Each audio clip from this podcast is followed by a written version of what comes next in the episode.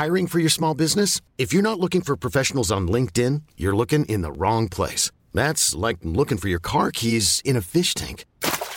LinkedIn helps you hire professionals you can't find anywhere else, even those who aren't actively searching for a new job but might be open to the perfect role. In a given month, over 70% of LinkedIn users don't even visit other leading job sites. So start looking in the right place. With LinkedIn, you can hire professionals like a professional. Post your free job on linkedin.com slash achieve today. Hey, I'm Ryan Reynolds. Recently, I asked Mint Mobile's legal team if big wireless companies are allowed to raise prices due to inflation. They said yes. And then when I asked if raising prices technically violates those onerous two-year contracts, they said, what the f*** are you talking about, you insane Hollywood ass?" So to recap, we're cutting the price of Mint Unlimited from $30 a month to just $15 a month. Give it a try at mintmobile.com slash switch. $45 upfront for three months plus taxes and fees. Promo rate for new customers for limited time. Unlimited more than 40 gigabytes per month. Slows. Full terms at mintmobile.com.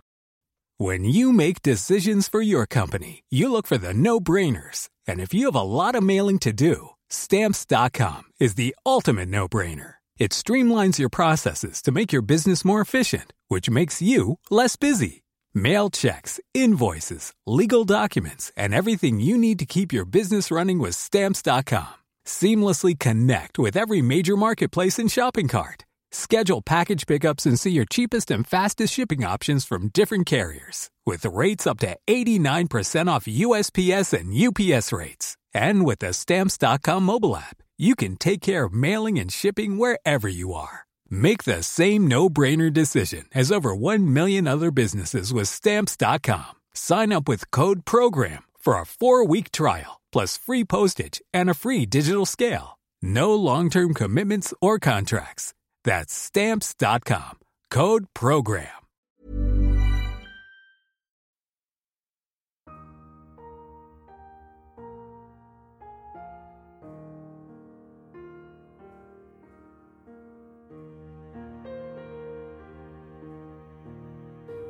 Julens vakreste kommer desember 1984, og det er Hanne Krogh sin mest solgte soloplate.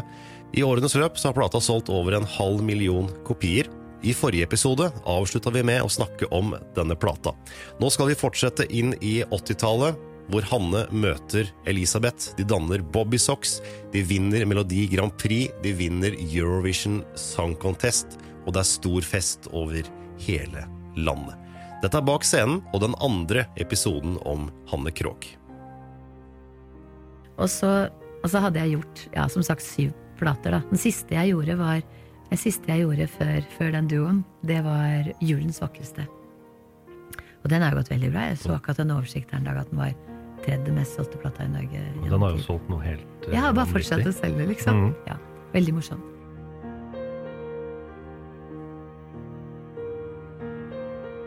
Og jeg husker da, da fotografen fra VG, faktisk, eh, som, som tok det Han, eh, han Jeg sa til han, du, vi må ta et bilde som er helt tidløst. For jeg har tenkt at denne platen skal aldri Hvis den ikke er moderne, så er den aldri umoderne heller. For jeg har tenkt at den, jeg har tenkt at den skal selge i mange år. og du snakker om, om eh, Det gikk liksom troll i jord. Og dessuten så hadde Arne Bendiksen like før den platen Han bygde nytt studio i Østerdalsgata. Og de engelske teknikerne og ingeniørene som var der og bygget det, de sa til meg Are you into the first album here? Ja, sa jeg. Lucky you, sa de. Fordi eh, i alle de studioene vi har bygget, den første platen som har blitt laget der, har blitt en huge suksess. Så tenkte jeg, det gikk jo. Det gikk jo, det ble jo sånn. Eh, en plate som jeg fremdeles er ganske glad i. Men så hadde jeg jo da gjort syv album da på fem år, og jeg, jeg var fremdeles i 20-årene og tenkte at dette er overkill. Nå må jeg enten gjøre ingenting en stund, eller så må jeg gjøre noe helt annet. Og så syns jeg at det var veldig overvekt av ettertenksomme ballader på disse albumene.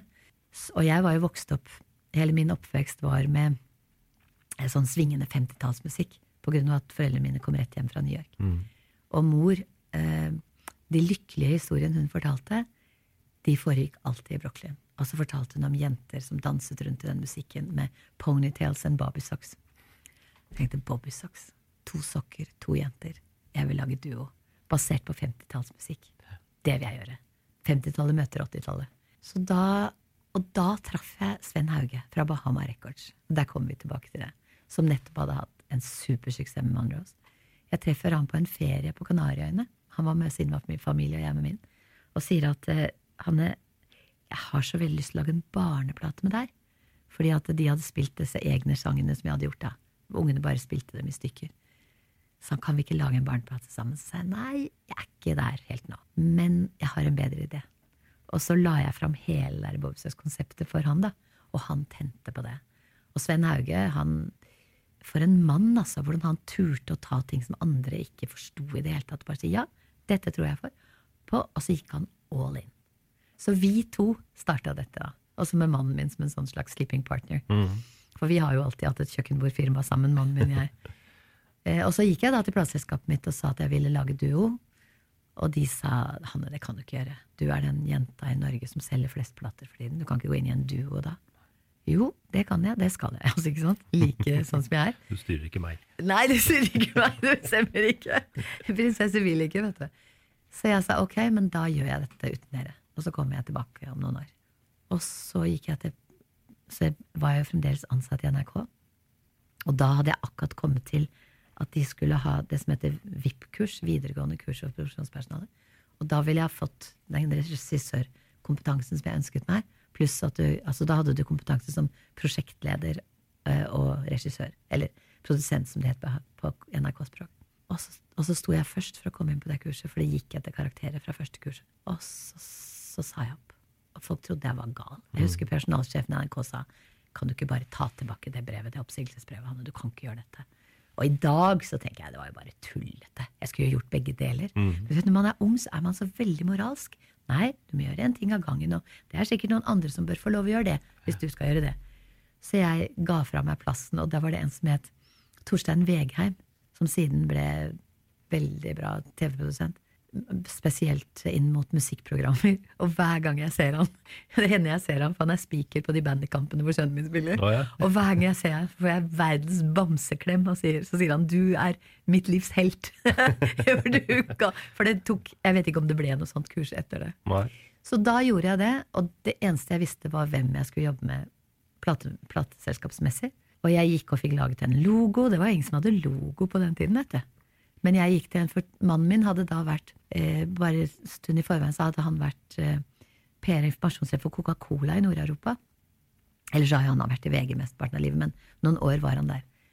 Og da var det en tegner som het Kjell Wittberg, som lagde masse for Coca-Cola. Og jeg tenkte det er akkurat dit jeg vil. Akkurat sånn der i 50-talls amerikansk greie.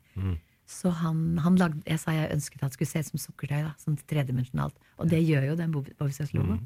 Og så tegnet han det første coveret vårt, som jeg er råstolt av den dag i dag. Hvor vi sitter på den yellow cabin midt på Times Square. Og han har tegna alt rundt. Så alt, altså Coveret var ikke klart, men Bobisøs-logoen var klar. Og så tok jeg kontakt med de to første låtskriverne jeg tok kontakt med. Det var Rolf Graf, og så var det en som jeg tilfeldigvis hadde truffet, som het Rolf Løvland. Som hadde skrevet noe til meg over det før som jeg ikke brukte på den platen. Eh, men jeg bare fulgte magefølelsen også, akkurat som jeg hadde gjort på at jeg skulle lage denne duoen. Jeg tenkte jeg vet at jeg må ringe han. Jeg må ringe han, Og da var jo han ganske ukjent. Eh, og jeg husker jeg hadde så harde hjerte da han kom med første kassetten som var tre låter på. Åh, hjertet mitt banka så høyt, for jeg tenkte nå sa jeg nei sist. Å gud, tenk om jeg ikke liker dette. Og så bare, var det bare helt riktig. Eh, og det samme, jeg fikk den Midnight Rocks av eh, Rolf Graf pluss en sang til. Så da var vi i gang, og så var det å finne ut hvem som skulle være den andre sokken. Da. Og jeg tenkte gjennom flere. Den jeg tenkte sterkest på, var Skorgan. Anita Skorgan. Eh, og selv om hun hadde blitt kjæreste, hun og Jan faktisk ble kjærester hjemme hos oss, så oh, ja. kom hun tilbake og sa nei, jeg kan ikke gjøre det. Kanskje, Jeg, jeg tror faktisk ikke hun fikk lov av Jan, jeg, men jeg skal ikke si det for sikkert. Men da hadde jeg i mellomtiden sett en jente på en sangfestival i Belgia. Og mine tre stikkord da, for Bobbysø skulle være musikalitet, energi og galskap. Og er det noe bedre beskrivelse av Elisabeth Andreasson enn musikalitet, energi og galskap? Og hun ville være med! Så hun kom til Oslo. Vi hadde et møte hvor hun kom med sånn fin sånn eh, businesswoman-drakt, husker jeg, og, og sånn stresskoffert. Ikke metal i det hele tatt. Og så, og så gikk vi i studio da i Silence sammen med Lars Kielvold, som også hadde gjort uh, Monrose. Og han ble 24 år det året. Den sommeren som vi holdt på. Så han var jo så ung. Men fy søren, for et geni altså den gutten, gutten er og var. Han, eh, han bare Og vi hadde de beste musikerne fra hele, hele Skandinavia, der i Värmland. Horny Horns fra Sverige og den beste blåserne, og vi hadde De La Lava-gutta. Ja, det var, bare, det var bare det beste hele veien. Og jeg var så lykkelig. Og jeg bare hørte på Prins. Det har Christer Falk og jeg felles. Jeg hørte på Prins hadde akkurat kommet med Purple Rain den Å, ja. Og jeg kjørte fram og tilbake til Värmland, inn i dype skoger, og spilte bare Let's Go Crazy og When Doves Cry og alt dette her, og tenkte ja, nå er jeg endelig i popbransjen! Nå gjør jeg ikke bare ballader! og så spilte vi inn disse backingene, og så kom Elisabeth da. Første sangen vi skulle synge på, det var Don't Bring Lulu. Og det går jo så fort, og det går jo så unna. Og det var første gang vi sang sammen, altså, tro det eller. Og så bare blendet stemmene så enormt.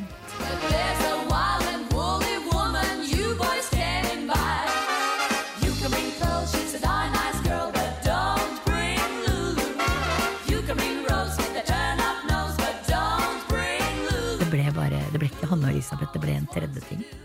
Og vi bare lo. Og jeg hadde klart å falle ned trappen i det studioet, en gammel nedlagt, eller ombygd skole.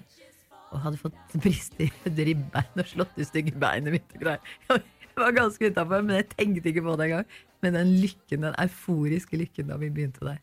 Jeg tror det er noe av det lykkeligste jeg har vært akkurat den sommeren der. Så det var det, og vi tok masse gale bilder, og vi holdt på, altså. Og plata kom. Av to smilende, bitte små jenter. Blond, nei, jeg var ikke blond, da jeg var mørk, da. Men du vet, at det er ikke lett å bli tatt på alvor, eller bli anerkjent for hva du egentlig kan når du hopper rundt og smiler. Jeg tror folk først i dag, når de går tilbake og hører på hva Bob gjorde, tenker å, filler'n'. Vi har jo holdt på å øve inn noen Bob Sox-låter nå på det showet vi er, med fire av Norges aller beste sangere. Og de bare fikk helt bakover seg. Så sa vi ante ikke at dette egentlig er så vanskelig. For det er det egentlig. Og den plata ble absolutt, det kan jeg vel kalle det at det ble en suksess. Og så, så ringte NRK en dag og spurte Hanne tror du Bobsås kunne tenke seg å være med i Grand Prix. Jeg sa det tror jeg absolutt. Det tror jeg faktisk er perfekt i forhold til det vi holder på med. Samarbeidet i Bobby Socks består i å ha det travelt sammen, ha det moro sammen og å kle seg i svart og rosa sammen. Rolf Løvland han har klart å komme seg med på scenen sjøl, bak piano for å sørge for at det svinger. La det svinge, en gladlåt i 50-talls og Bobby Socks. Det var kanskje, kanskje, det våger jeg påstå selv om jeg var bare, kanskje den beste norske Grand Prix-finalen som noensinne har vært. For den tiden så var jo alle deltok jo, vet du. Anita Skorgan var der. Hun kom på, altså, med fantastiske karma på andreplass. Mm, dere var jo hår, hårfint Ja, ja, ja. mellom. Hun fikk fagjuryen, og fikk, vi fikk folkejuryen. Nei da, det er en nydelig låt. Karma. Bjørn Eidsvåg Lars. Kilevold hadde skrevet, uh, skrevet teksten. Og Bjørn Eidsvåg kom på sjuendeplass med Gammel drøm i rosa dress. Han har jo ikke måttet betale for den rosa antrekket siden, det har jeg. jeg pleier å si av og til at på det huset som er meg, så er det sånt rosa neonlys som blinker så sterkt at resten blir litt liggende i mørket. Men da husker jeg jeg sto i kulissene og så på Bjørn synge Gammel drøm. Du og jeg har en gammel drøm. Kom på sjuendeplass. Jeg tenkte når jeg er ferdig med å hoppe rundt i rosa, så skal jeg synge sånne sanger. Men det var jo litt senere, så jeg, men jeg husker jeg tenkte det da. Han var med, Silje Nergård var med, eh, Rolf Graff var med. Pastell vet du, med Merete Trøan som gjorde Ring, ring, ring, som kom på tredjeplass. Eh, Mia Gundersen og Olaf Stedje gjorde Nattergal. Nydelig. Åh, med fare for å glemme noen. Det var bare, det var bare en helt fantastisk eh, dag. Og jeg husker Lee Hazelwood fra BBC. Ble, Hazelhurst het han. Lee Hazelhurst. Hurst. Hazelwood er navn. Eh, han ble spurt om han liksom trodde at, denne, at den som vant, da, om den kunne gjøre det stort i, internasjonalt i Eurovision, så sa han I'm afraid not. Uh, don't you think we will win with number seven? La det svinge. You don't think so? Right now. Wow, then it's really exciting what our last district jury will tell, tell us. Thank you. Og da er det soleklart at vinner av Norsk Melodi Grand Prix 1985 er Det står to stykker bak her og tripper voldsomt. Nora, tror du Voi Voi kunne hevda seg mot Bobby Socks i åra? Ja, hvis vi hadde hatt så fin kor, så. Ok, jeg tror at det er noen som har lyst Jo da, så det, vi var ikke, vi var ikke spådd det. Og så var det jo bare å begynne å finne på ting. Og da dro Trygve og jeg ut til Ford, husker jeg. Og han som var sjef da, ble jo senere europasjef for Ford. For vi, får- vi syns at eh, har ikke dere lyst til å sponse oss? Har ikke dere lyst til å gi oss en bil? En liten kabriolet, eksempel? Og han hadde jo så mye selvtillit at han gikk jo for det. Jeg traff en mann mange mange år senere som sa at det var jeg som lakkerte bilen deres. Og det var 17 lag med metallic. Og den skinte, altså. Og med logoen på siden. Og det var jo helt I dag er jeg sikker på at man ville synes at den bilen så gammel ut, men den var altså så kul. Det var ikke mange kabrioleter som eh, raste rundt, og sa fikk vi det anlegget inni. Og vi hadde, og vi hadde mobiltelefon inni. Sånn Mobira Talkman som vi syntes var så kult. Og som veide ca. 15 kilo. 40 kilo. ja, det var rosa, det òg. Alt var rosa. Og så dro vi til Göteborg, da. Og så husker jeg sa til Bettan før vi gikk ut For vi ville ha, gjøre entré. Jeg syns litt synd på artister i dag som liksom Det begynner med at de står ferdig på scenen.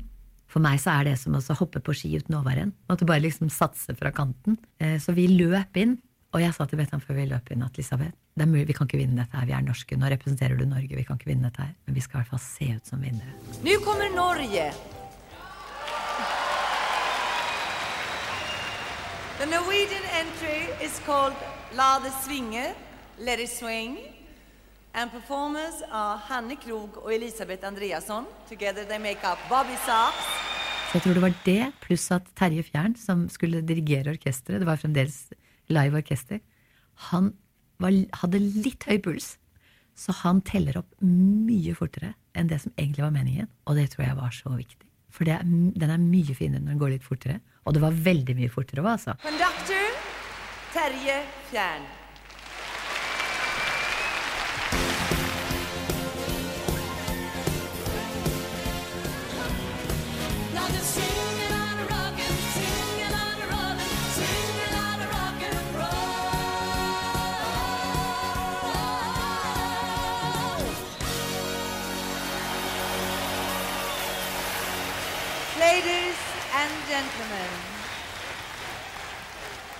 The winning song of the 1985 Eurovision Song Contest.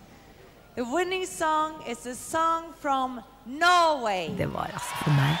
Og jeg vet ikke om du har sett disse gamle bildene, så jeg, jeg blir jo så glad, så jeg løfter armene som en sånn Jeg ser som en sånn bryggesjauer når jeg bare løfter armene. Og så plutselig brått Jeg står på scenen, da. Brått så ser jeg ned. Og det som er greia, er at begge stroppene på min kjole De røyk da jeg tok av litt for mye. Og jeg var så glad at det ikke datt. At ikke den kjolen datt. Jeg var så glad. Men nå i dag så må jeg bare ærlig innrømme at jeg filler'n at det ikke datt. jeg, hadde jo, jeg var jo i 20-årene, jeg så jo helt ålreit ut.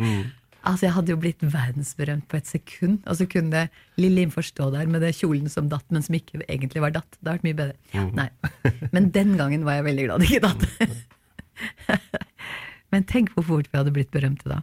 Men det blei dere vel Ja da. uansett. Dette her tok jo fullstendig av. Ja, det gjorde jo det. Det tok noe ekstremt av. Men du vet, vi var jo så heldige når vi først skulle vinne Grand Prix, at vi vant med en ordentlig hit. Og det, folk tror at det som høres lett ut, er lett.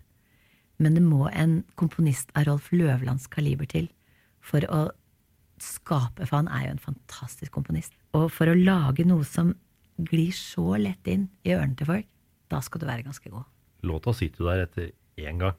Ja, altså, og vi har gjort den for, i Asia for folk i sarier. Vi har gjort den i, i, i Amerika for folk med cowboyhatter som aldri har hørt om Eurovision. Den er bare en hit. En ordentlig hit. Og tenk å være så heldig å vinne Grand Prix for aller første gang med en sånn ordentlig hit. Og den er jo fremdeles så- altså nesten, jeg skal ikke si ukentlig, i hvert fall månedlig, så renner det inn fremdeles en dag i dag videoer fra venner av meg som er på unge venner da, som er på diskotek i utlandet, og som skal vise hvordan det tar av når de spiller La det svinge. Dere fikk jo en veldig fin velkomst hit igjen nå, da, etter eh, Ja. finalen. Vil du si litt om den? ja, da benyttet jeg meg av radio, faktisk. For du må jo you gotta make things happen. Vi var på vei da, fra Gøteborg i denne lille rosa bilen. Men Bettan kjørte med foreldrene sine. Og så var det Trygve og jeg i den kabrioleten. Og så var det åtte journalistbiler som lå på hjul. Svenske og norske. Jeg tenkte gud, skal vi må jo få noe til å skje. Jeg regnet jo med at folk trodde vi kom med fly. Sånn. Så jeg- ringte til NRK. Og så sa jeg, Da var det jo bare én kanal. Og sa at hei, eh, og jeg visste det var en søndag, så jeg visste jo at det gikk rett til Radioresepsjonen. Det var ikke engang sentralbordet. Og sa hei, dette er Hanne Krogh som ringer, og jeg bare lurer på, har dere, vet dere hvem som har vært på jakt etter meg? Det er noen som har vært på jakt etter meg? Med masse sånn kryssete fingre. Nei, beklager, sa de, vet vi ikke. Selvfølgelig visste de ikke det. Så sa jeg, men kan dere ikke bare sette meg opp til det som er på lufta nå? Ja, det var trafikk og musikk, da. Ja, Sett meg over dit. Og så kommer jeg dit opp, eh, og så sier de så, hei, dette er Hanne Krogh, og er det dere? Og så videre. Nei, å nei, og nå har vi nettopp Oi ja meg, og vi har nettopp lovet at dette skal være kjemisk fritt for Grand Prix, for det har jo ikke vært noe annet siste døgn, og ja, ja, ja, fint, sa jeg, men det er flott, da bare legger jeg meg til å sove her. Nei, nei, nei, vi må jo snakke med deg. Så de stiller da det og ønsker meg. De ser vi er en liten rosa jente i en rosa bil i en rosa telefon. Eh, og hvor er dere nå? Og ja, vi er en time fra Svinesund. Og ja, og, og masse sånn fram og tilbake. Og hvor skal dere etter det? Jo, da skal vi faktisk eh, Da skal vi til Grand Hotel. Det skal være en mottakelse der. Eller kanskje jeg ikke burde sagt det, sa jeg. ikke sant? Og så sa de kan vi snakke med Elisabeth, og da løy jeg også og sa beklager, vet du, hun sover. Hun har akkurat sovnet baki her. Jeg beklager, altså, men hun var jo en annen bil. Men vi fikk bytta over, da, så før vi kom til Svinesund, så, så satte hun seg inn hos meg, og så skrudde vi anlegget vårt på full guffe og ned med kabrioletaket, og så kjørte vi over Svinesund med La det svinge på fullt. Og da, sier, da sies det at det var 10 000 mennesker der. Og fra Svinesund Og Harald Rønneberg har fortalt om dette. Han har fortalt at besteforeldrene hans de eide den eh, kafeen som akkurat var på Svinesund. Og han forteller om hvor kaotiske tilstander det var der. Og derfra og inn til Oslo så var det som å kjøre på rød løper. Altså, og så var det, De svenske må jo trodd at nordmenn var gale, for det var konfirmasjonssøndag i, i Norge. Så der sto det altså folk i bunad og flagg hele veien inn. Og med politieskorte som skifta for hver gang det ble ny politiområde. Og det var Altså, det er umulig for mennesker som ikke var oppegående da, å skjønne. For dette kan ikke gjentas. Eh, fordi at Norge hadde jo nesten ikke vunnet noen ting. Vi hadde vunnet noe skirenn og noe skøyteløp, men det var på en måte, vi fikk lov å starte noe som etter hvert ble en seiersrekke av ting. Det skjedde veldig mye etter det. Men Bobbysocks fikk på en måte gå gjennom den lydmuren først, da. Seiersrusen etter finalen i Melodi Grand Prix Göteborg lørdag har ennå ikke lagt seg. Vinnerne Hanne Krogh og Elisabeth Andreasson kom til Oslo i går kveld, og de ble møtt av en stor menneskemengde som hadde samlet seg på Karl Johan for å hylle dem. Og stor var jubelen da jentene, geleidet av politiet, entret hotellbalkongen, kastet ned roser til beundrerne og stemte i med La det.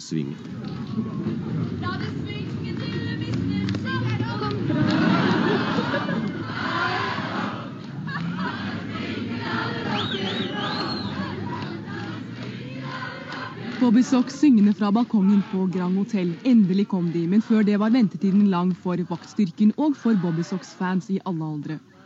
Kommer de ikke snart. Jeg tror, Og vi hadde en sommerturné etter det. Vi hadde 36 konserter i Norge den sommeren. Og vi hadde et gjennomsnitt på 10 000 mennesker per konsert.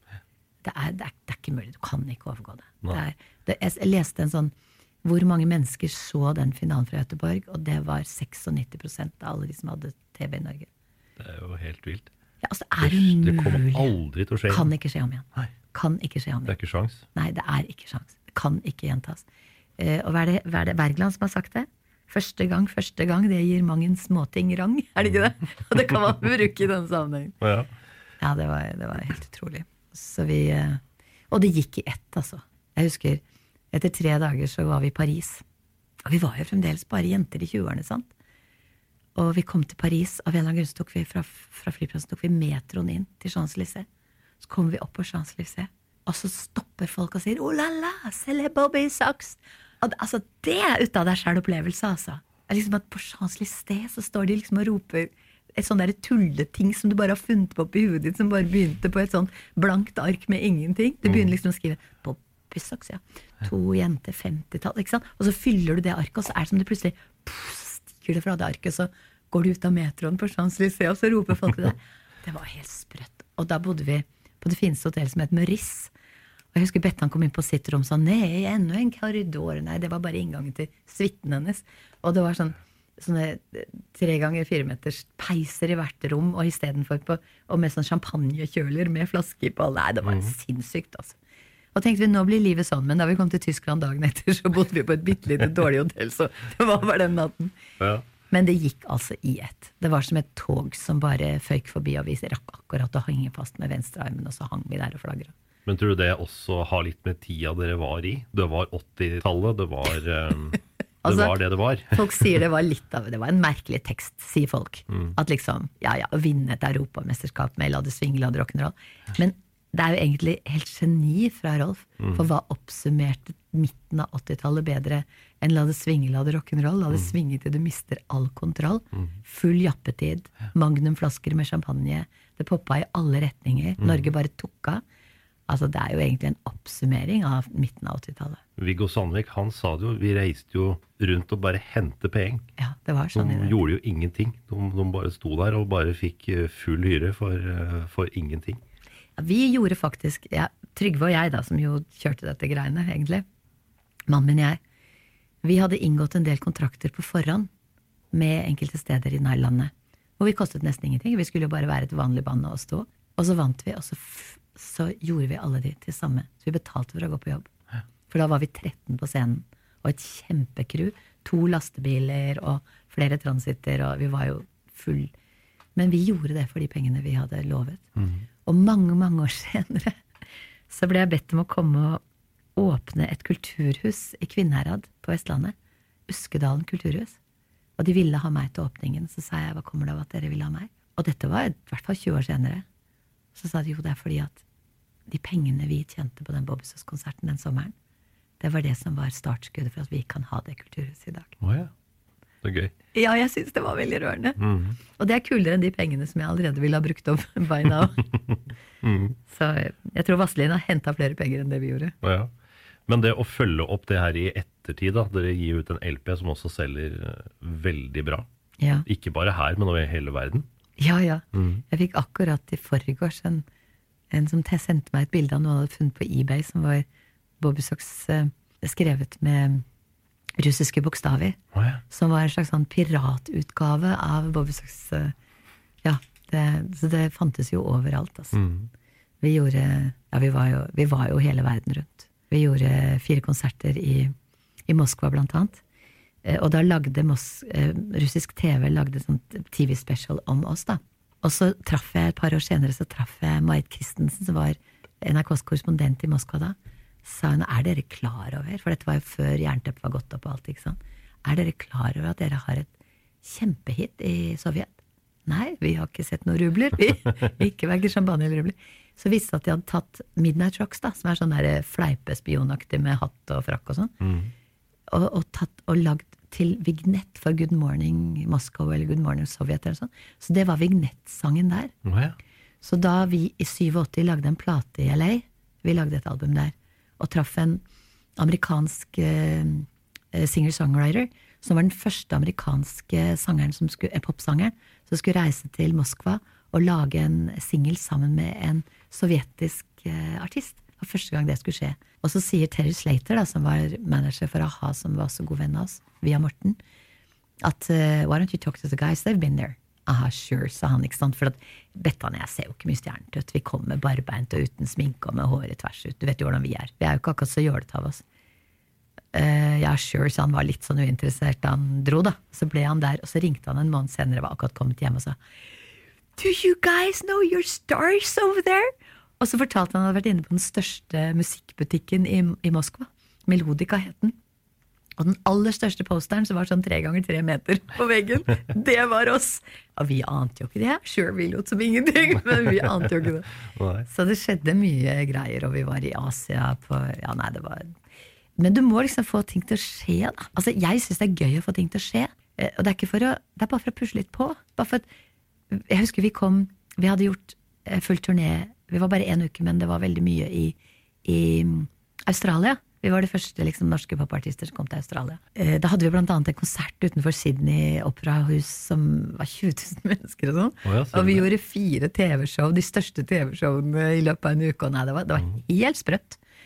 Eh, Det største Hey Hey It's Saturday sa oh, couldn't you come back next week? Så sa vi at Og folk sto i kø fra hele verden for å være med der.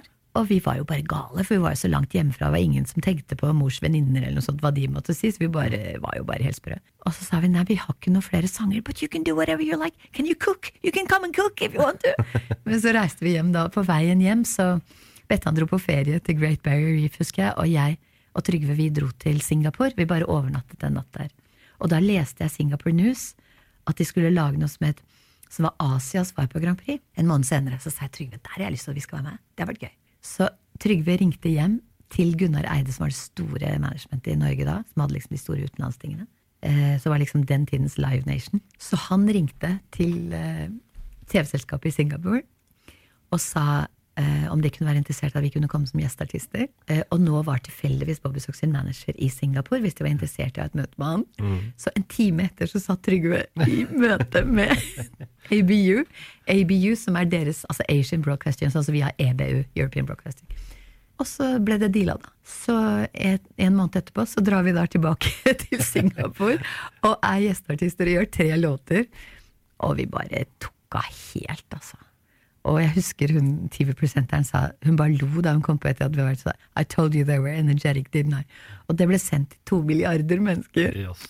Og vi fikk så mye tilbud der at Trygve sa at vi ville ha blitt helt sånn sjelehøyde før vi kom hjem igjen. hvis vi skulle blitt der. Og det er eh, Men vi, vi Jeg kunne ikke For at akkurat da begynte jeg å skjønne at eh, Hanne, du har faktisk barn. Det ble for mye for meg. Men så skulle vi følge opp, og da, da er vi der. Som du snakker om. Hva skulle vi gjøre etter dette? Og så ble vi bedt om å synge under Spellemannsprisen i i 86.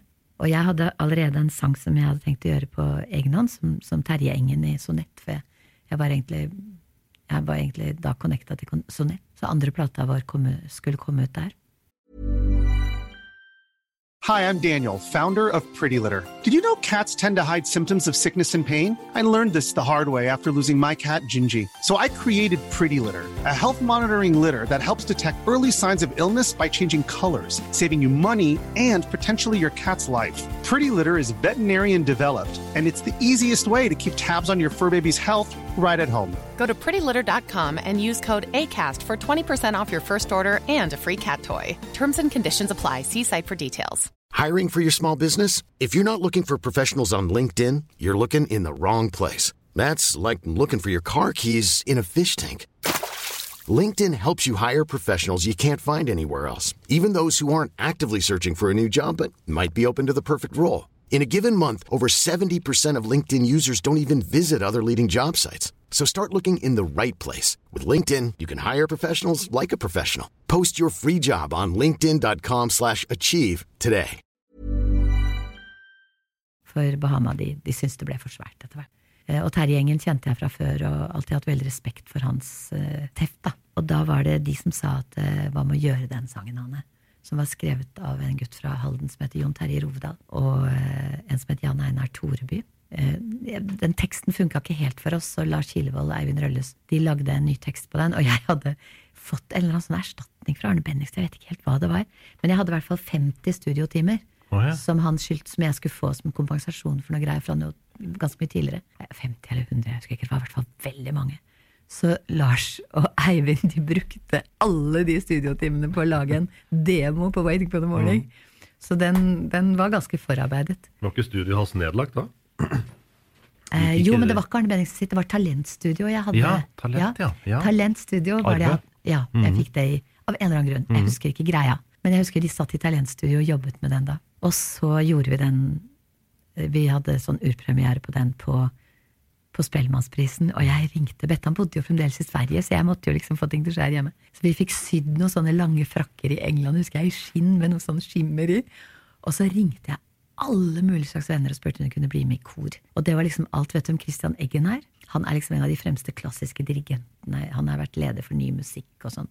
Um, og en veldig god venn av meg fra vi var, gikk på Nissen. Og han kom, Ole Edvard Antonsen, Uh, Great Garlic Girls, Casino, Ottar og Claudia med den Mm. trioen deres. Altså, ja, nå er det sikkert mange jeg glemmer. Det var bare all, De var 30 stykker. Alt som fantes av norske artister av forskjellige typer. Pluss Kari og Dag og, eh, som, som koret på scenen. Og Sveinak Hauge spilte gitar, husker jeg. Altså, det var bare Og så, så, så jobbet jeg med snekkerdelen av NRK for å lage sånne Manhattan Skyline-greier bak. Altså, jeg holdt på noe så fryktelig. Mange, mange uker. Og så kom vi ut dit, og så ble det bare Det overgikk alt jeg kunne ha forestilt meg. Altså. Den gikk jo rett inn på førstelinja på VG-lista. Og jeg tror vi solgte flere plater av Waiting for the Morning enn vi gjorde av La det svinge. Her hjemme i Norge. Men det var jo annerledes. Jeg tenkte etterpå kanskje det var feil å gjøre en ballade. Kanskje vi skulle ha holdt oss helt til konseptet. Jeg vet Mm. ikke. Utrolig fin låt, da. Er den ikke fin? Veldig. Da vi skulle lage denne, dette showet igjen på Edderkoppen, som jeg holder på med nå, så satt vi og øvde. altså Hans Einar Apeland har skrevet så fantastiske arr på det, det showet. Er så fine korarr. Og så satt vi og jobbet med en sang, da. Og så sier den ene jenta som heter Lene, de er født fra 87 og etter da. Å, for en fin sang, sa hun. For en vidunderlig fin sang. Ja, sa jeg, du har aldri hørt den? Jeg hadde aldri hørt den. De andre hadde ikke hørt den. Og det var Waiting for the Morning. Og man tror liksom at alle har jo hørt den. Ja. Men det er jo også på den tida her at Bobby Socks kanskje begynner å gli litt grann For meg varte bobbysocks Bobby Socks ett og et halvt, en og en halv LP. Mm. Og det var som andre, ikke sant. Det var jo veldig min baby. Men det er jo som barn, at etter hvert så vokser de opp og begynner å bestemme sjøl. Mm. Og jeg, jeg syns det Jeg mistet etter hvert. Altså sånn halvveis i andre plata, så For da at det plutselig så begynte det å bli sånn at vi gjør annenhver sang, og jeg syns jo at det var akkurat sounda oss to sammen som gjorde Bobby Socks til Bobby Socks. Ellers så var det liksom han og Bettan. Og det syns ikke jeg var like interessant. Syns ikke det. Synes det er, vi har gjort mye fine låter etterpå, og jeg, jeg mistet liksom den derre ekstreme gutsen på det, da. Så det var gøy at vi fikk gjøre ferdig den siste platen i Los Angeles Mm. med verdens beste musikere. Med Abraham Laboriel på bass, og liksom han er jo regna som verdens beste bassist. Bill Maxwell som produsent, og med samme koristene som korer både på Man in the Mirror og Like a Prayer. ikke sant? Det var Mm. jo, det var jo, var jo helt hårreisende morsomt. Og vi kom liksom på partyer hvor vi traff bare alle folka.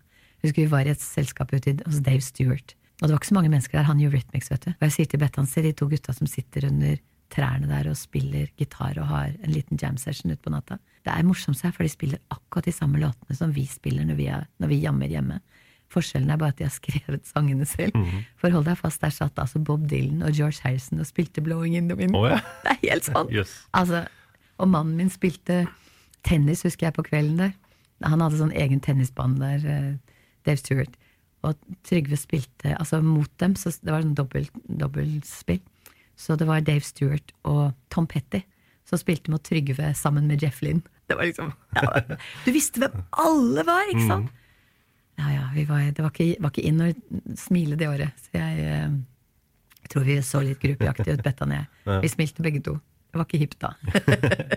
Men hvem er det som betaler for de dyre platene her? Det må, jo ha kosta vanvittig mye penger? Det var eh, de to neste, 'Waiting for the Morning' og, og den i Amerika, det var, det var sonett. Så, eh, men etter det så var jeg veldig ferdig, og det tror vi følte det begge to. Men Bettan hadde jo liksom beholdt sin solokarriere, fordi hun hadde jo også en karriere i Sverige, så hun gjorde vel stort sett en soloplate i året, men jeg gjorde ikke det. Jeg er veldig sånn, jeg er veldig sånn Fullt fokus på det? jeg har bare én knapp, og den er av eller på. Den er bare pff, veldig sånn. Eh, men da slapp jeg det fokuset. Da, da tenkte jeg ok, det var kjempegøy. Ferdig med det. Men jeg er veldig stolt av hva Bob gjorde, også de siste to platene. Jeg er veldig stolt av det. Og et, noe av de tingene vi gjorde på, på Walking on Air, som det heter siste, ikke minst tittellåta, syns jeg er helt fantastisk fin. Jeg syns vi fjerna oss Jeg prøver å si det til unge artister også, at dere må våge å velge bort. Dere må våge å være Bestem dere, bestem dere tidlig, og bruk tid på å bestemme dere på hvilken retning ønsker jeg å gå. Og, og vær tydelige for folk. For det er kanskje en av de feilene jeg har gjort i min karriere. For jeg blir så veldig nysgjerrig på nå har jeg lyst til å gjøre det, og det er helt annerledes. Eh, men sånn som for eksempel Bobby Socks burde på en måte ha fortsatt å være så tydelige og vært party. Men det er veldig gøy den dag i dag å gå på scenen og gjøre La oss svinge sammen med Elisabeth. Det er så morsomt. Og Power of Bobby Socks, det er faktisk ganske kraftfullt. Altså. Mm. Vi var akkurat på en jobb nå for to uker siden, og det var 20-åringene og sånn. De bare tar av. Og det er så morsomt. Og vi har det så gøy. Mm. Og folk sier 'blir dere ikke lei av å la det svinge'? Kommer jeg aldri til å bli lei av å la det svinge. Dere gjør jo ikke en helt beskjeden avslutning heller. Dere takker jo for dere på TV i LA. Meg, jeg har glemt det. Ja, det var en svær produksjon eh, som eh, NRK lagde. De, var, de sendte et team på fem stykker til Los Angeles. Nei, det var, nei, det var gøy. Men det, det skjedde jo ting der òg, da. Du er vel egentlig mer opptatt av sånn Var det ikke bak scenen det skal være? scenen. Ja. For der, der skulle vi gå på rulleskøyter, da. På Venice Beach. Og jeg er jo Jeg er egentlig ganske glad i idrett, men jeg kan Jeg er sånn som detter. Eller som en av mine operatenorer, som jeg har jobbet mye med, ikke sant? Mm. Thomas Ruud, han sier til meg at eh, han er grunnen til at du detter og faller og av og til sånn, det er fordi at eh, du har alltid tankene utenfor deg selv. Så da snubler du av og til. Mens jeg, Hanne, sier Thomas, jeg snubler aldri, for jeg tenker bare på meg. og jeg hadde vel en sånn greie, da, så vi var på Venice Beach, og jeg skulle Og så kommer det en gutt som En liten gutt som bare løper ut foran meg mens jeg kommer på rulleskøyter.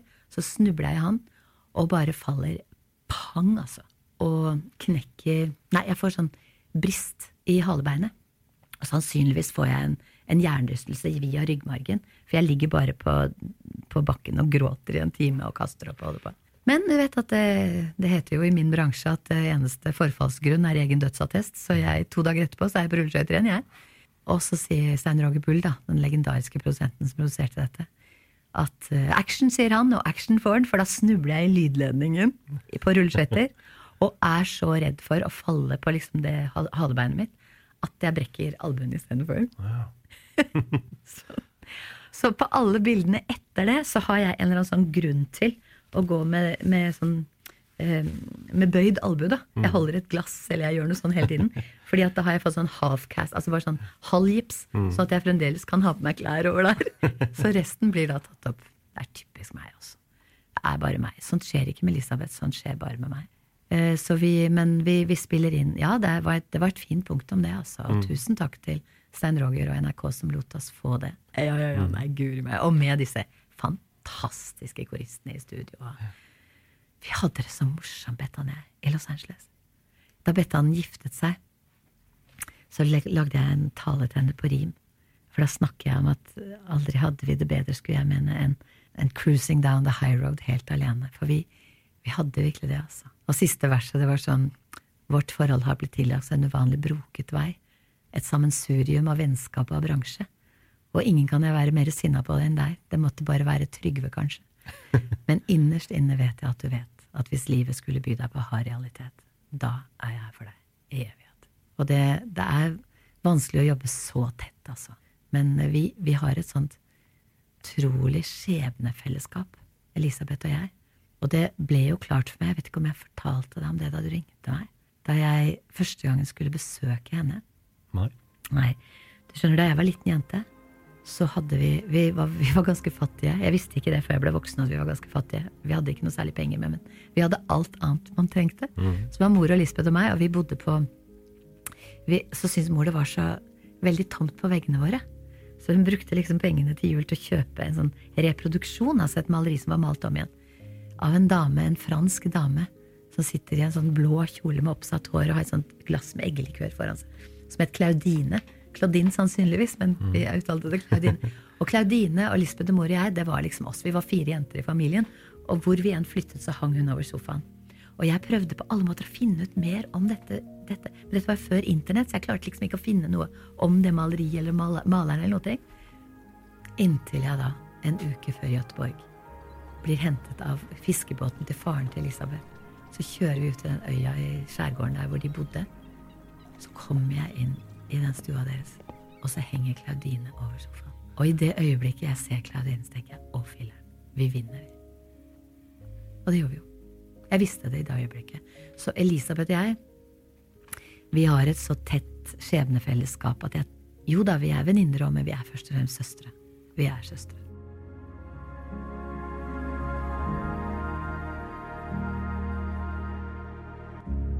Etter den tida her, da, da går du ut igjen på egen hånd, og du starter med julekonserter. Og det er vel noe du har holdt på med omtrent hvert eneste år? Siden det. jeg har vel hatt det i 34 eller 34 år. ja. Mm. Hvert eneste år.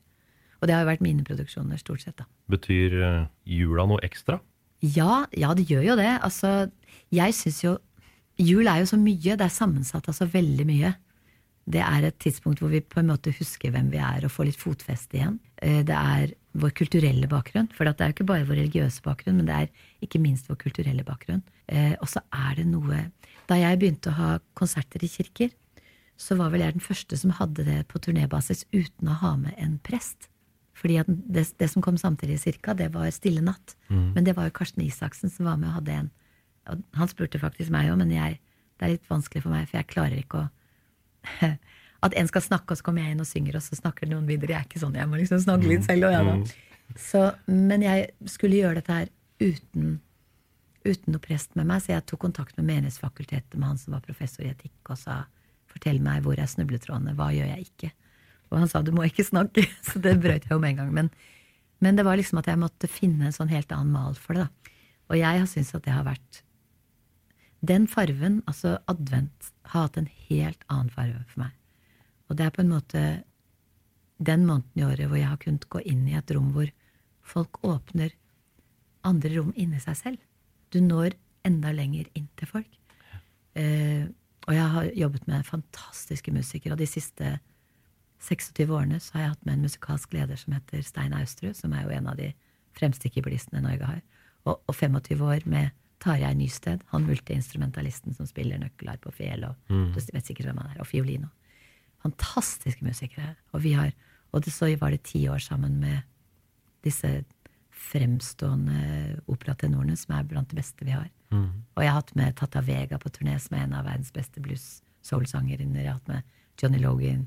Jeg har gjort veldig mye. Men det er først og fremst det med juletiden som bare Du kan bruke alt du kan om entertainment til å gi folk noe helt annet enn entertainment.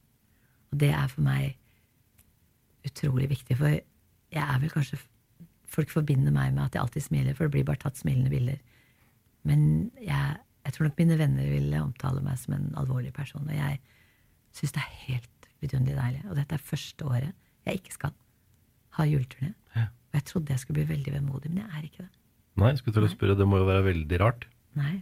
Men jeg, jeg gjorde jo dette samtidig som jeg gjorde en ny plate, da. Mm. I 88. Eh, og da var jeg så lei av å At det var bare sånn. Så den LP-en er vel den mest lavmælte jeg har laget noen ting. Mm. Noen gang. Og da Da hadde jeg veldig lyst å ha en produsent som plateselskapet først ikke turte å satse på. Det var han, en av de som koret for oss i Göteborg, nemlig Håkon Iversen. Ja. Jeg ville det. Og jeg har jo, som du har skjønt, jeg følger magefølelsen min, da. Før jeg har noe bevis for ting. Mm. Og Håkon hadde jo ikke produsert noen plater da. Og jeg sa til plateselskapet jeg vil ha han, det var fremdeles Sonett. Og de sa nei, vi kan jo ikke satse så mye penger på en vi ikke vet hvem er. Ja, men det, og jeg fighta og fighta flere måneder. Og så sa Bjørn Eidsvåg ja til å være koprodusent. Og da gikk de inn for det. Og det var jo veldig gøy. For, av mange grunner. For det første er jeg utrolig stolt av den plata. Som het Hanne. Eh, og som er veldig personlig for meg. Hvis du hører på den platen, så kan du se akkurat hvor jeg var i livet akkurat da. Den, den forteller egentlig alt. Mm. Eh, og Håkon ble jo en av våre, og er jo en av våre aller, aller fremste produsenter og musikalske ledere i dag. Med, med, og høyst velfortjent. Han er fantastisk. Eh, han har mye å takke meg for, fordi jeg presenterte ham for han som han har tre barn sammen med oss, En svensk venninne av meg. Ja. Så jeg har sagt til Håkon en, gang, en eller annen gang skal du få betalt meg tilbake. Sånn Mm. i et eller annet. Kanskje han kan produsere noe nytt for meg. Men, eh, men det ble Hanne, ja. Og så Ja, jeg vet ikke. Jeg er veldig veldig glad i den plata. Det var med 'Vakker når du sover' og Mm. disse tingene her. Det ble jo en stor hit. Ja, det gjorde jo det. Mm. Ja. Spesielt på Nattønske. Jeg tror det var tre år på rad var mest ønska i Nattønske. Ja. Passa naturlig. Vakker du sover. Ja, Arne Hurlen trakk jo den fram igjen nå under hver gang vi møtes. Eh, ja, nei, jeg er glad i den. Vi reiste til Ja, nei, guri meg, for en tid, altså. Og folk trodde jeg var gal, vet du. Jeg gikk jo ut på Spellemannsprisen og sang, da. Første sangen derfra.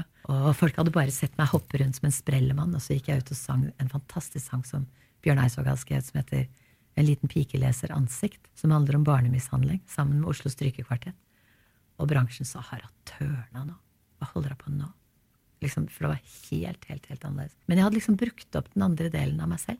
Mens denne delen var så ubrukt at det bare presset seg på og måtte ut, altså.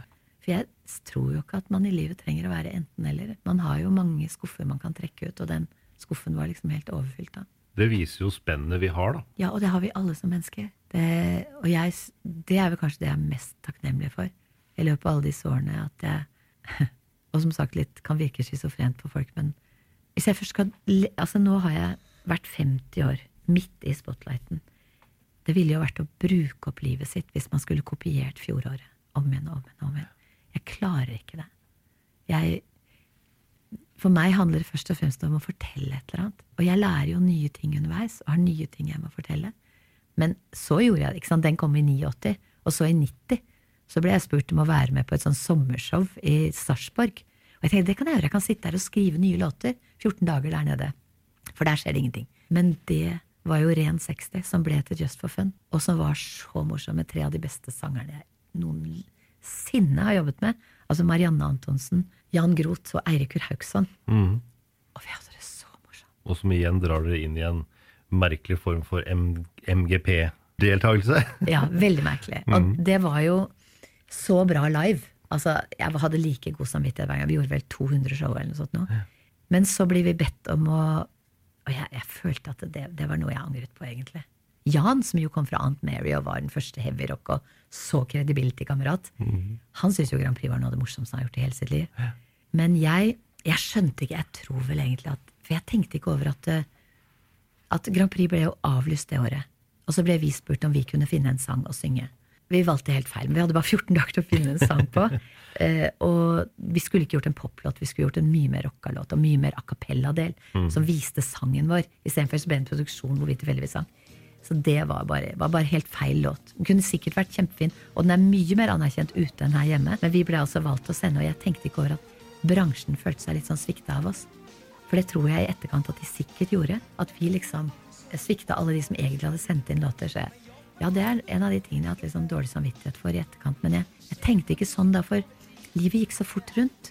At du rakk bare å, å ta et valg i forhold til deg selv, og ikke i forhold til å, å ta det skrittet tilbake og se deg rundt. Ja, nei, jeg var nok Det er kanskje den eneste tingen jeg angrer på, at vi dro med helt feil låt. Mm. For at Just for Fun hadde fortjent et helt annet ettermæle. Eh, fordi det, det var så bra. Hvem var det som skrev den Det var Dag? Kolsrud. Det var Dag Kolsrud, selvfølgelig. Mm, og det var jeg som ringte Dag og spurte om han kunne Mm. finne en låt. Og vi hadde en låt av Rolf Løvland, og vi hadde en låt av andre også, som, som også var veldig fine, men som jeg syns jeg ville blitt for tydelig på. Jeg Mm. ville ha en sang som var hele gruppa, ikke med meg i front. Um, og det måtte det ha vært de andre. Så, så nei. Det, og han har skrevet mye fint, Dag, men det var bare ikke riktig for oss. Og produksjonen var ikke riktig for oss. Og det italienske store strykeorkesteret klarte så ikke spille heller.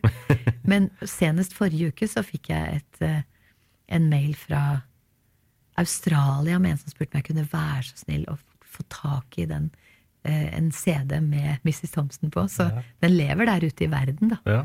Men her i Norge tydeligvis så tror jeg nesten ikke folk husker den i det hele tatt. Nei. Jeg tror den ligger på Spotify. Nei, den gjør den ikke, for det er jeg som eier den. Jeg har glemt å legge den ut. Ok, ja. Så jeg skal legge den ut. Hvis den gjør det, så er det noen som har gjort det uten å kunne det. Men du er jo også en av få som eier alt sjøl. Veldig mye av det, i hvert fall. Mm. Det må jo være litt av en jobb, det òg. Å liksom samle igjen alt. Eh, Ja, Alt altså, jeg, altså sånne plater som du lager, det blir jo som babyer, ikke sant? Mm.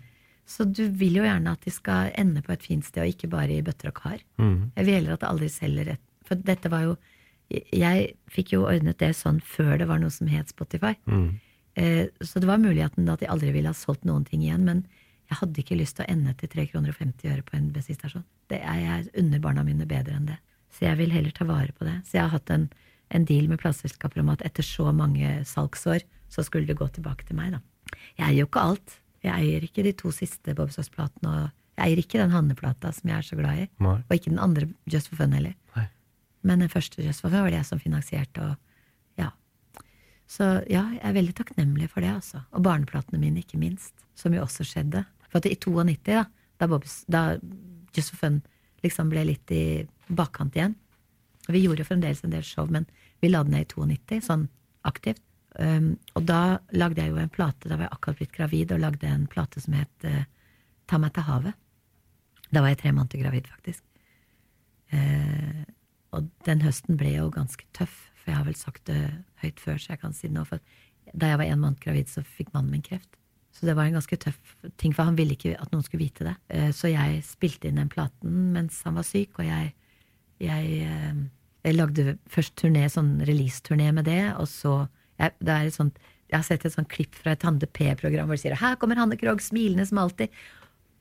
Og jeg vet at akkurat da så var det bare gråt inni meg, altså, for jeg visste ikke hvordan det skulle gå med Trygve. Og så reiser jeg på full juleturné, for jeg visste jo ikke om jeg ville liksom ha noe pappa til ungene mine når jeg snart hadde to barn. Nei.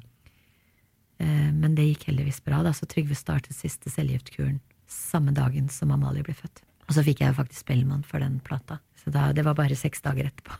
Og jeg har ligget på sykehus i seks uker, for jeg har vært veldig syk. Og så jeg bare duver ned og er så sliten at jeg snakker og snakker og snakker. og snakker, og snakker. Sånn som nå, nesten. ja, men det var veldig, veldig gøy. Så, og så gikk det ja. Da hadde jeg fått nytt barn, så da lagde jeg en planeplate, ikke sant? Ja. For da var jeg opptatt av det. Så da lagde jeg den Prøysen-plata. Mhm. Som jo jeg solgte jo noe sinnssykt. Det første året solgte den 100 000 i full pris. eller noe sånt. Mm. Så det er liksom en sånn sidegren som folk nesten ikke kjenner til. Jeg tror vel til sammen det hadde vanvittig mange hundre tusen barneplater. Men det har jo gått slag i slag, da. Ja, i begynnelsen lagde jeg jo bare plater hele tida. Så ble jeg litt sånn lei av bransjen Nesten. Jeg syns bransjen ble veldig rar. Og vi trodde da alt åpnet, og liksom da alt ble fritt, og det ble liksom masse kanaler og sånn, at da, da ville alle få større makt. Men sannheten er jo at ettersom dette skjedde, så var det multiselskapene som fikk mer og mer makt. For de eide til slutt nesten alle flater. Og fikk også en makt rent sånn credibility-messig inn i både radiokanaler og til og med de statlige kanalene. Hvor det liksom til slutt handlet mer om hvem som ga det ut, en, og hvem som produserte, enn hvem som egentlig sang. Mm. Og ingen hadde egentlig tid, det lagdes så mye, så de hadde ikke tid til å kjenne etter. Så ok, det er de og de det hører på. Så, så det, ble, det ble vel akkurat motsatt av hva vi hadde håpet, tror jeg. Å være en indie-artist, da, som jeg har vært nesten hele tida, i hvert fall sist, det, det ble fryktelig vanskelig. Og spesielt når man begynner å bli voksen, for det er veldig aldersrelatert yrke. Men jeg, eh, jeg har allikevel villet gjøre ting på min måte, da. Mm. Så jeg har liksom fortsatt å gjøre det, og det har jo gått veldig bra. Også fordi at det man først og fremst lever av, er jo, er jo konserter. Og jeg har jo vært veldig heldig og hatt store sommershow også, som vi har da finansiert og produsert, og Mm. manus og regi og mm, om Tamat, Det var en som het Ta meg til havet, som ikke var egentlig den platen, men som handlet om Norge som havland gjennom tusen år. Og lagde et om stemmerettsjubileet, 100-årsjubileet, der lagde jeg en som het Ikke gi deg en et svær show. Og alle disse har jeg gjort turneer med etterpå også. Og også, ja, jeg har lagd flere sånne utover da, som vi har produsert og, og gjort. Og jeg syns jo det Det gjør ikke meg noe å jobbe Jeg syns det er gøy å jobbe med folk som er flinkere enn meg. Jeg er ikke noe redd for å, eh, for å ha med folk som er superflinke, Nei. og gi dem hovedplassen. For at det er du verdt i selskapet, så må du på en måte gi dem hovedplassen ved bordet også. Mm. Men det er ikke alle som gjør det. Nei, men jeg Jeg syns det er så gøy å skape noe som er veldig bra. Og jeg tenker at det, Jeg vet ikke, kanskje jeg Jeg husker Ola Solum, som, som da regisserte Julestjernen. Han sa en gang at Hanne, jeg har aldri truffet noen som har så mye selvtillit og så lite selvtillit som deg. Og jeg har, jeg har no- Ja, for jeg kan også ha veldig liten selvtillit, men samtidig så tenker jeg at ok, jeg brukte lang tid på å skjønne at jeg er en fryktelig dårlig Tina Turner. Men jeg er verdens beste Hanne Krogh. Ja. Det er ingen andre som kan være Hanne Krogh. Det er bare meg. Mhm. Så jeg er ikke så redd for det å bli Om andre har større applaus. Nei. Men jeg har jo lagd kjempestore show hvor jeg har liksom bestemt repertoar og sånn. Hvor folk har kommet etterpå. Jeg så, jeg så det showet, du var vel gjesteartist? Er du Anne? Nei, jeg var ikke det. Så- Så det var derfor kanskje jeg nå bestemte meg for at nei, nå skal jeg sannelig, sannelig lage et show hvor mine ting er i, i sentrum. Mm. Men det hadde jeg ikke hjerte til å lage på egen hånd. Nei. Så dermed så har jeg gått til en ekstern produsent, fantastisk produksjonsselskap som heter Over Norge, som turte å satse på det, med en ekstern regissør og en musikalsk leder. Og jeg har brukt dette året fram til dette showet med å, å lære meg å si ja vel. Og etter 40 år, altså, Trond Harald, så er det ikke lett å lære seg å si ja vel. Nei. Så nå går jeg rundt og synger at når jeg blir 66, da gjør jeg som de vil. Når jeg blir 66, har jeg lært å tie stille. jeg vet ikke hvor lenge det varer. Men jeg, altså, dette er et show, og jeg har aldri hatt et sånt show i Oslo. Og vi har det altså så gøy. Vi er ni stykker på scenen. Fire musikere, og så er det meg og fire stykker sangere og dansere utenom meg. Unge, vakre, skjønne, vidunderlig flinke, alle sammen. Hver kveld når jeg går ut på den scenen, så er jeg så lykkelig. Da er jeg 18 og et halvt år og nyforelska, liksom. Kan tenke deg hvor det var 18 og et halvt år å være nyforelska. Akkurat så lykkelig er jeg hver eneste kveld. Det er så gøy. Både altså backstage og på scenen. Så, selv disse unge menneskene, vi, vi har det bare så gøy. Og det er så Det er bare tempo, og det er latter, og det er vang-vang, altså. Og så er det selvfølgelig Hadde det ikke vært meg om det ikke også var enkelte steder hvor, hvor, hvor folk også har en tåre i øyekroken. For jeg gjør blant annet Du snakket om levende lys i stad. Og Hans Einar Appeland har skrevet altså et arrangement på det. For han hadde aldri hørt den sangen før. Det er så mye Mennesker blir jo så unge etter hvert, er ikke det rart? Jeg forstår jo ikke at jeg er eldre, men de er veldig unge. Og han sa dette er den flotteste sangen jeg noensinne har hørt, så her skal jeg lage mitt svennestykke sånn. Og det er så nydelig. Og så får jeg lov å gå ut på scenen, og så får jeg synge dette her. Og så gjør vi en kjempeversjon av Waiting for the Morning. Og vi gjør liksom mine låter, Ikke gi deg, jente, og vi gjør Kjære Kristine, og vi gjør Leve mens jeg gjør det, og vi gjør Bob Socks ting, og vi gjør barneplatene òg, ikke sant? Som en, en sånn galskapsforestilling. Og det er, det er liksom alt, og det er som å oppsummere livet sitt, og det Jeg føler meg Jeg er altså så takknemlig. Hver eneste kveld jeg går ut på den scenen, så tenker jeg Hanne Krogh, du er så heldig, du. Og så er det jo kjempetrening. Det er Mhm. ett og en og en halv time, full fart, synge og hoppe hele tiden. Og så tenker jeg at når jeg har gjort dette her, så har jeg på en måte oppsummert de 50-årene.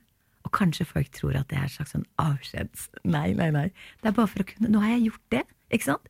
Og nå kan jeg pakke det inn i nydelig farvesprakende papir etterpå. Men jeg skal gjøre turné neste år. ja. Det er, liksom, det er ikke ferdig på en stund, dette her. Men så har jeg jo helt carte blanche. Da har jeg blanke ark og fargestifter til. Og jeg, jeg går rundt og tenker Gud, hva er det jeg har gjort nå? Hva skal jeg gjøre da? Og venninnene mine de går av med pensjon snart, vet du. Og de sier 'Hanne, skal du ikke slutte?' Slutt. Altså, det tryggeste stedet i verden for meg, det er ute på scenen. Der blir jeg trygg. Der blir jeg ung. Der blir jeg lykkelig. Så ikke tro at dere er kvitt meg. Jeg, bli, jeg blir der. Wow, jeg sier tusen takk for besøket. I like måte. Tusen takk for meg.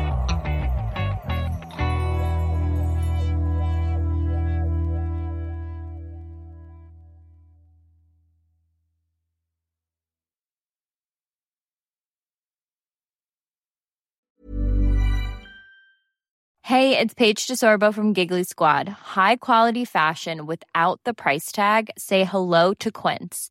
I'm snagging high-end essentials like cozy cashmere sweaters, sleek leather jackets, fine jewelry, and so much more. With Quince being 50 to 80% less than similar brands. And they partner with factories that prioritize safe, ethical, and responsible manufacturing. I love that. Luxury quality within reach. Go to quince.com slash style to get free shipping and 365 day returns on your next order. Quince.com slash style.